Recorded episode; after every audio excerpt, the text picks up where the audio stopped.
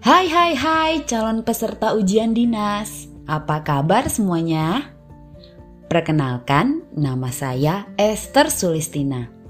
Akan menemani Anda belajar. Semoga bermanfaat ya. Yuk yuk, kita langsung mulai aja sekarang. Oke, kali ini kita akan membahas bab 4 yang isinya tentang tugas, fungsi, visi misi, dan struktur organisasi pada Kementerian Keuangan.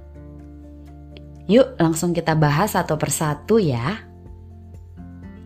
A. Sekretariat Jenderal Poin 1. Tugas Berdasarkan Peraturan Presiden Nomor 57 Tahun 2020 Pasal 8 dan Peraturan Menteri Keuangan Nomor 217 garis miring PMK titik 01 garis miring 2018 tentang organisasi dan tata kerja Kementerian Keuangan. Sebagaimana telah beberapa kali diubah terakhir kali dengan Peraturan Menteri Keuangan Nomor 229 garis miring PMK titik 01 garis miring 2019 tentang perubahan kedua atas Peraturan Menteri Keuangan Nomor 217 garis miring PMK titik 01 garis miring 2018 tentang organisasi dan tata kerja Kementerian Keuangan, Sekretariat Jenderal Kementerian Keuangan mempunyai tugas menyelenggarakan koordinasi penyelenggaraan tugas, pembinaan, dan pemberian dukungan administrasi kepada seluruh unsur organisasi di lingkungan Kementerian Keuangan. Poin 2. Fungsi Berdasarkan Peraturan Presiden Nomor 57 Tahun 2020 Pasal yang ke-9, Sekretariat Jenderal Kementerian Keuangan menyelenggarakan beberapa fungsi berikut ini, yaitu A koordinasi kegiatan Kementerian Keuangan. B. Koordinasi dan penyusunan rencana dan program dan anggaran Kementerian Keuangan. C. Pembinaan dan pemberian dukungan administrasi yang meliputi ketatausahaan, kepegawaian, keuangan, kerumah tanggaan, kerjasama, hubungan masyarakat, arsip, dan dokumentasi Kementerian Keuangan. D. Pembinaan dan penataan organisasi dan tata laksana. E. Koordinasi dan penyusunan peraturan perundang-undangan serta pelaksanaan advokasi hukum. F. Penyelenggaraan pengelolaan barang milik atau kekayaan negara dan layanan pengadaan barang atau jasa. Dan G, pelaksanaan fungsi lainnya yang diberikan oleh Menteri Keuangan. Poin 3. Visi dan misi. Sekretariat Jenderal Kementerian Keuangan telah menyusun visi tahun 2020-2024. Begini bunyi visinya menjadi penggerak utama dan katalisator tata kelola yang baik menuju terwujudnya visi Kementerian Keuangan. Nah, sementara itu, misinya terdiri dari A. Menerapkan kebijakan fiskal yang responsif dan berkelanjutan. B. Mencapai tingkat pendapatan negara yang tinggi melalui pelayanan prima serta pengawasan dan penegakan hukum yang efektif. C. Memastikan belanja negara yang berkeadilan, efektif, efisien, dan produktif. D. Mengelola neraca keuangan pusat yang inovatif dengan risiko minimum. Dan E. Mengembangkan proses bisnis inti berbasis digital dan mengelola sumber daya manusia yang adaptif sesuai kemajuan teknologi. Poin 4. Struktur organisasi. Adapun susunan organisasi Sekretariat Jenderal terdiri dari A. Biro Perencanaan dan Keuangan B. Biro Organisasi dan Ketatalaksanaan C. Biro Hukum D. Biro Advokasi E. Biro Sumber Daya Manusia F. Biro Komunikasi dan Layanan Informasi G. Biro Manajemen Barang Milik Negara dan Pengadaan dan H. Biro Umum. Selain delapan biro di atas tersebut, berdasarkan Peraturan Menteri Keuangan Nomor 229 garis miring PMK titik 01 garis miring 2019, di lingkungan Kementerian Keuangan terdapat Pusat Sistem Informasi dan Teknologi Keuangan atau yang kita kenal dengan Pusintek. Pusat Pembinaan Profesi Keuangan atau yang kita kenal dengan PPPK, serta Pusat Analisis dan Harmonisasi Kebijakan atau yang kita kenal dengan Pusaka. Lalu yang terakhir, Pusat Layanan Pengadaan secara Elektronik. Yang kesemuanya itu dalam melaksanakan tugasnya masing-masing berada di bawah dan bertanggung jawab kepada Menteri Keuangan melalui Sekretaris Jenderal. Demikian tentang Sekretariat Jenderal. Yuk kita pindah ke unit berikutnya. B. Direktorat Jenderal Anggaran Poin 1. Tugas Salah satu tugas penting dari Kementerian Keuangan adalah menyusun anggaran pendapatan dan belanja negara atau APBN. Tugas Kementerian Keuangan ini dilaksanakan oleh Direktorat Jenderal Anggaran. Berdasarkan Peraturan Presiden Nomor 57 Tahun 2020 Pasal ke-12, Direktorat Jenderal Anggaran mempunyai tugas menyelenggarakan perumusan dan melaksanakan kebijakan di bidang penganggaran sesuai dengan ketentuan peraturan perundang-undangan. Poin 2. Fungsi Berdasarkan Peraturan Presiden Nomor 57 Tahun 2020 Pasal yang ke-13, dalam melaksanakan tugas tersebut, Direktorat Jenderal Anggaran menyelenggarakan fungsi berikut ini. A. Perumusan kebijakan di bidang penyusunan anggaran pendapatan negara, anggaran belanja negara, anggaran pembiayaan, standar biaya, dan penerimaan negara bukan pajak. B. Pelaksanaan kebijakan di bidang penyusunan anggaran pendapatan negara, anggaran belanja negara, anggaran pembiayaan, standar biaya, dan penerimaan negara bukan pajak. C. Penyusunan norma, standar, prosedur, dan kriteria di bidang penyusunan anggaran pendapatan negara, anggaran belanja negara, anggaran pembiayaan, standar biaya, dan penerimaan negara bukan pajak. D. Pemberian bimbingan teknis dan supervisi di bidang penyusunan anggaran pendapatan negara, anggaran belanja negara, anggaran pembiayaan, standar biaya, dan penerimaan negara bukan pajak. E. Pelaksanaan pemantauan, evaluasi, dan pelaporan di bidang penyusunan anggaran pendapatan negara, anggaran belanja negara, anggaran pembiayaan, standar biaya, dan penerimaan negara bukan pajak. F. Pelaksanaan administrasi Direktorat Jenderal Anggaran. Dan G. Pelaksanaan fungsi lainnya yang diberikan oleh Menteri Keuangan.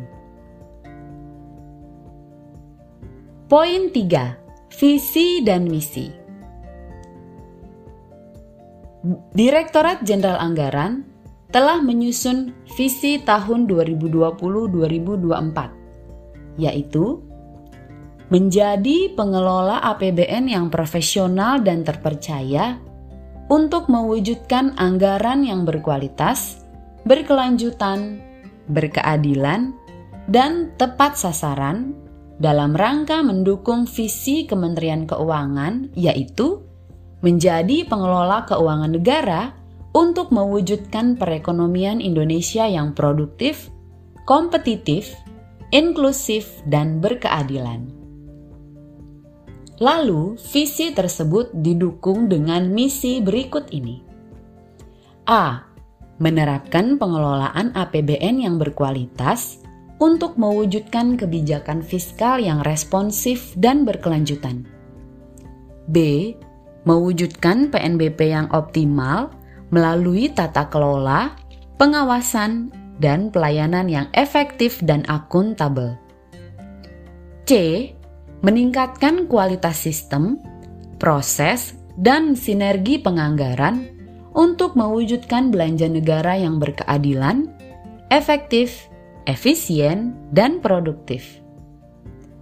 Dan D, menerapkan proses bisnis inti berbasis digital dan mengelola sumber daya manusia yang adaptif sesuai kemajuan teknologi. Poin 4. Struktur organisasi.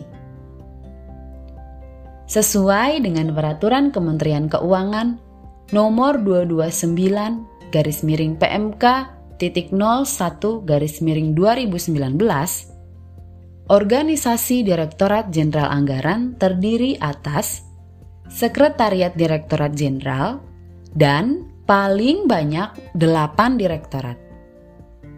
Sekretariat Direktorat Jenderal sendiri terdiri paling banyak atas enam bagian dan atau kelompok jabatan fungsional.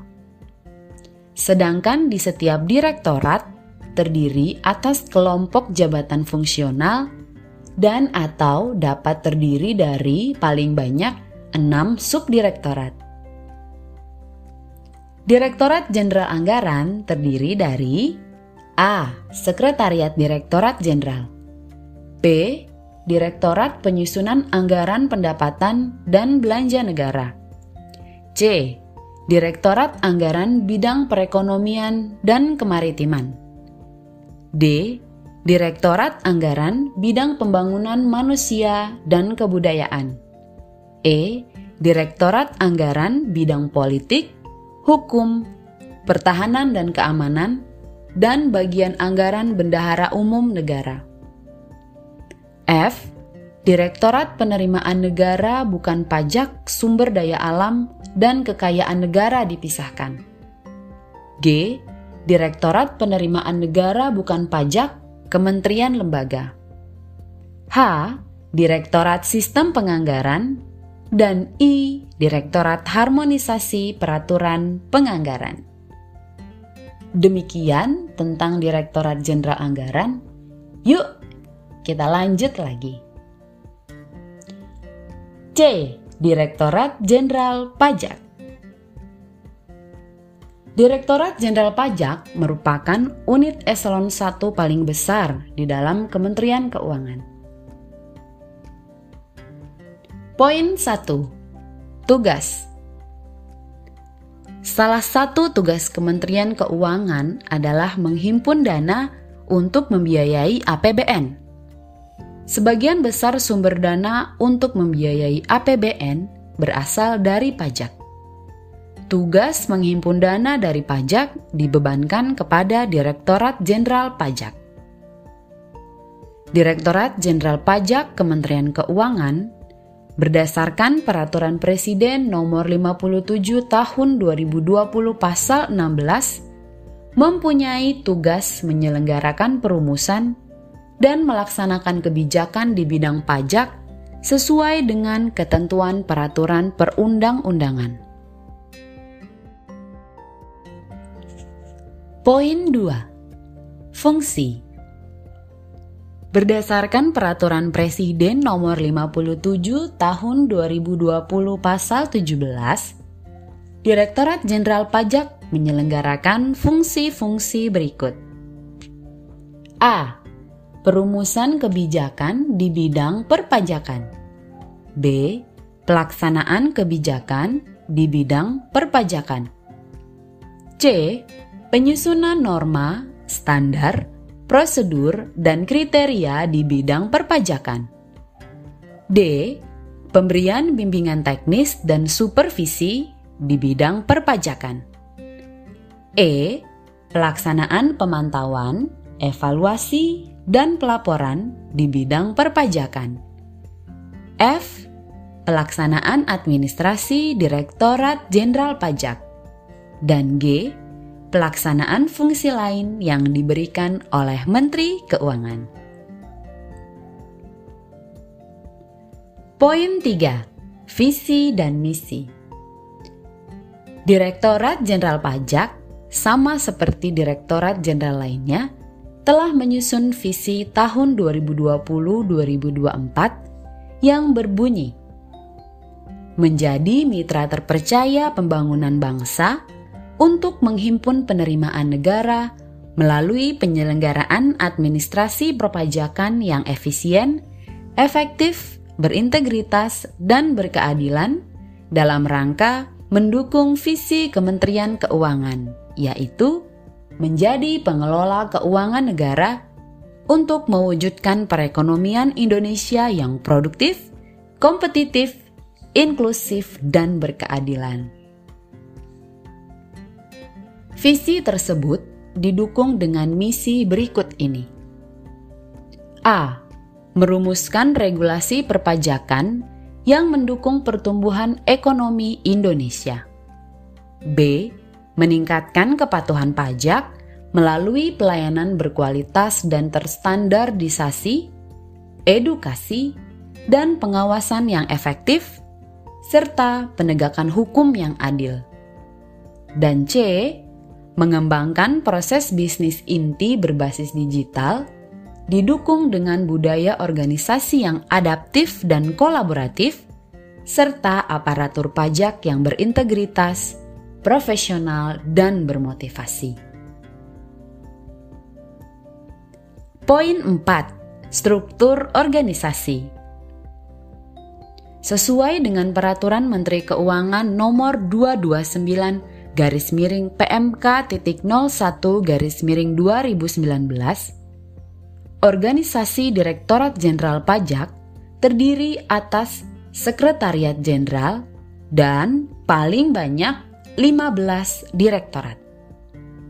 Sekretariat Direktorat Jenderal sendiri terdiri atas paling banyak 6 bagian dan atau kelompok jabatan fungsional Lalu, direktorat terdiri atas kelompok jabatan fungsional dan atau dapat terdiri atas paling banyak enam subdirektorat. Direktorat Jenderal Pajak terdiri dari A. Sekretariat Direktorat Jenderal B. Direktorat Peraturan Perpajakan 1 C. Direktorat Peraturan Perpajakan 2 D. Direktorat Pemeriksaan dan Penagihan E. Direktorat Penegakan Hukum F. Direktorat Ekstensifikasi dan Penilaian G. Direktorat Keberatan dan Banding H. Direktorat Potensi, Kepatuhan, dan Penerimaan Perpajakan I Direktorat Penyuluhan, Pelayanan, dan Hubungan Masyarakat. J. Direktorat Teknologi Informasi Perpajakan. K. Direktorat Kepatuhan Internal dan Transformasi Sumber Daya Aparatur. L. Direktorat Transformasi Teknologi Komunikasi dan Informasi. M Direktorat Transformasi Proses Bisnis. N. Direktorat Perpajakan Internasional dan O. Direktorat Intelijen Perpajakan. Oke, okay, next. Selanjutnya kita akan bahas D. Direktorat Jenderal Bea dan Cukai.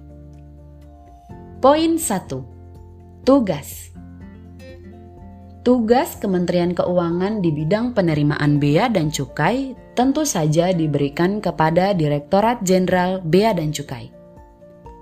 Direktorat Jenderal Bea dan Cukai berdasarkan Peraturan Presiden Nomor 57 Tahun 2020 Pasal 20 bertugas menyelenggarakan perumusan dan melaksanakan kebijakan di bidang kepabeanan dan cukai tentu saja sesuai dengan ketentuan peraturan perundang-undangan.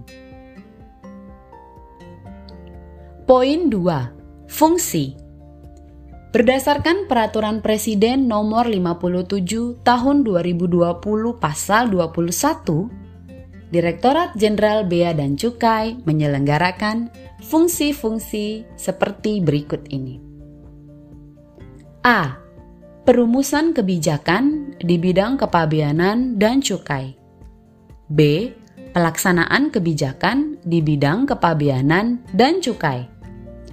C penyusunan norma, standar, prosedur, dan kriteria di bidang pengawasan, penegakan hukum, pelayanan dan optimalisasi penerimaan negara di bidang kepabeanan dan cukai. D. Pemberian bimbingan teknis dan supervisi di bidang pengawasan, penegakan hukum, pelayanan, dan optimalisasi penerimaan negara di bidang kepabeanan dan cukai. E. Pelaksanaan pemantauan, evaluasi, dan pelaporan di bidang pengawasan, penegakan hukum, pelayanan dan optimalisasi penerimaan negara di bidang kepabeanan dan cukai. F. Pelaksanaan fungsi lain yang diberikan oleh menteri.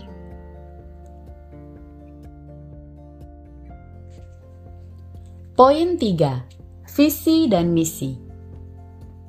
Visi Direktorat Jenderal Bea dan Cukai untuk tahun 2020-2024 adalah menjadi institusi kepabeanan dan cukai terkemuka di dunia dalam rangka mendukung visi Kementerian Keuangan yaitu menjadi pengelola keuangan negara untuk mewujudkan perekonomian Indonesia yang produktif, kompetitif, inklusif, dan berkeadilan.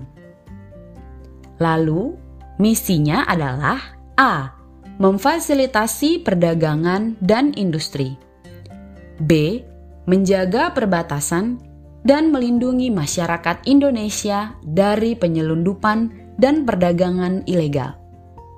C. Optimalisasi penerimaan negara di sektor kepabeanan dan cukai. Poin 4. Struktur organisasi. Direktorat Jenderal Bea dan Cukai terdiri dari A. Sekretariat Direktorat Jenderal B. Direktorat Teknis Kepabianan C. Direktorat Fasilitas Kepabianan D. Direktorat Teknis dan Fasilitas Cukai E. Direktorat Kepabianan Internasional dan antar lembaga. F. Direktorat Keberatan Banding dan Peraturan. G. Direktorat Informasi Kepabianan dan Cukai. H. Direktorat Kepatuhan Internal. I. Direktorat Audit Kepabianan dan Cukai. J. Direktorat Penindakan dan Penyidikan. K Direktorat Penerimaan, dan Perencanaan Strategis.